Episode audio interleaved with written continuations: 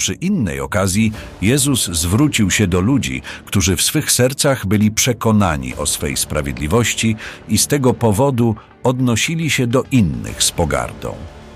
Tym opowiedział przypowieść. W czasie, który był wyznaczony na modlitwę w świątyni, przyszli dwaj ludzie. Jednym z nich był faryzeusz, drugim poborca podatkowy. Faryzeusz stanął dumnie na środku i tak modlił się sam do siebie. Boże, dziękuję Ci, że nie jestem jak inni ludzie, zdziercy, oszuści i cudzołożnicy, albo jak ten tutaj poborca podatkowy. Poszczę dwa razy w tygodniu, a dziesięcinę przynoszę do świątyni, licząc dokładnie ze wszystkich przychodów, jakie mam z ziemi. W tym samym czasie poborca podatkowy stał gdzieś z boku, nawet nie śmiąc wznieść swych oczu w kierunku niebios, bił się jedynie w piersi, łukając Boże, jestem wielkim grzesznikiem. Okaż mi jednak, proszę, swoje miłosierdzie. Oświadczam wam, że ten poborca podatkowy, odchodząc do domu, był bliżej Bożej sprawiedliwości niż faryzeusz. Każdy bowiem, kto sam siebie wywyższa, zostanie poniżony, a kto szczerze się uniża, zostanie wywyższony.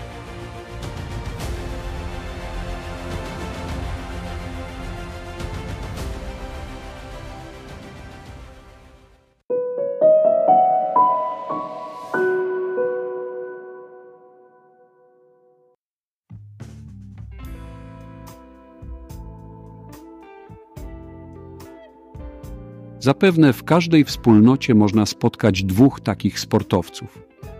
Pierwszy to ktoś podobny do faryzeusza, który jak influencer staje dumnie, prezentując swoją religijną pobożność.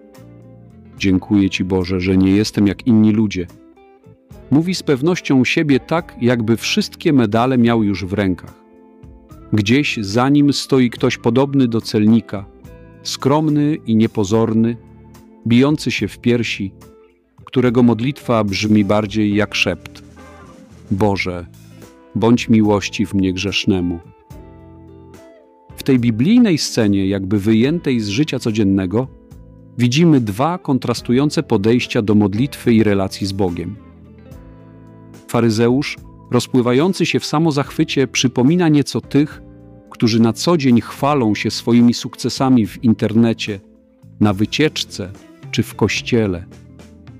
Zapomina, że prawdziwą wartość człowieka nie mierzy się liczbą lajków czy pochwał.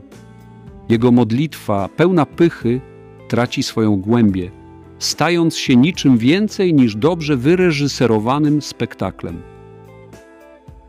Obok niego widzimy celnika, którego postać może nie przyciąga fleszy fotografów, ale jego serce jest pełne prawdziwej pokory i skruchy.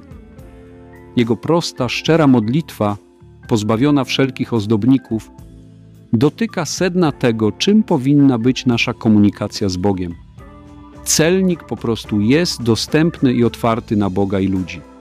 To nie nasze rytuały i peany są ważne dla Boga, ale szczerość i pokora naszego serca. Jezus, komentując te dwie modlitwy, daje nam do zrozumienia, że to nie człowiek, który się wywyższa, ale ten, który się uniża, zostanie wywyższony. W świecie, który często promuje kulturę samopromocji i egocentryzm, takie przesłanie jest niczym balsam na duszę. To przypomnienie, że w oczach Boga liczy się nie to, jak jesteśmy postrzegani przez innych, ale to, jacy naprawdę jesteśmy wewnątrz.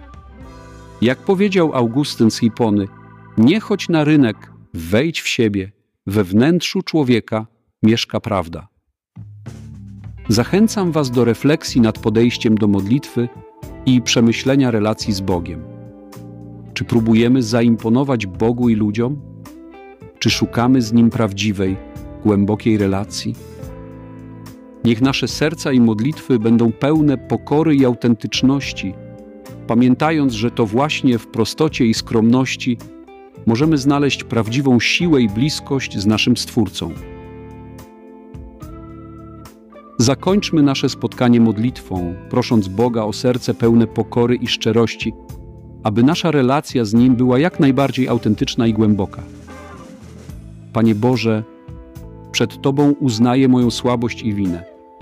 Pokornie Cię proszę o mądrość i siłę, abym godnie przeżywał każdy dzień, dając najlepsze świadectwo miłości, z którą odkupiłeś moje grzechy. Amen.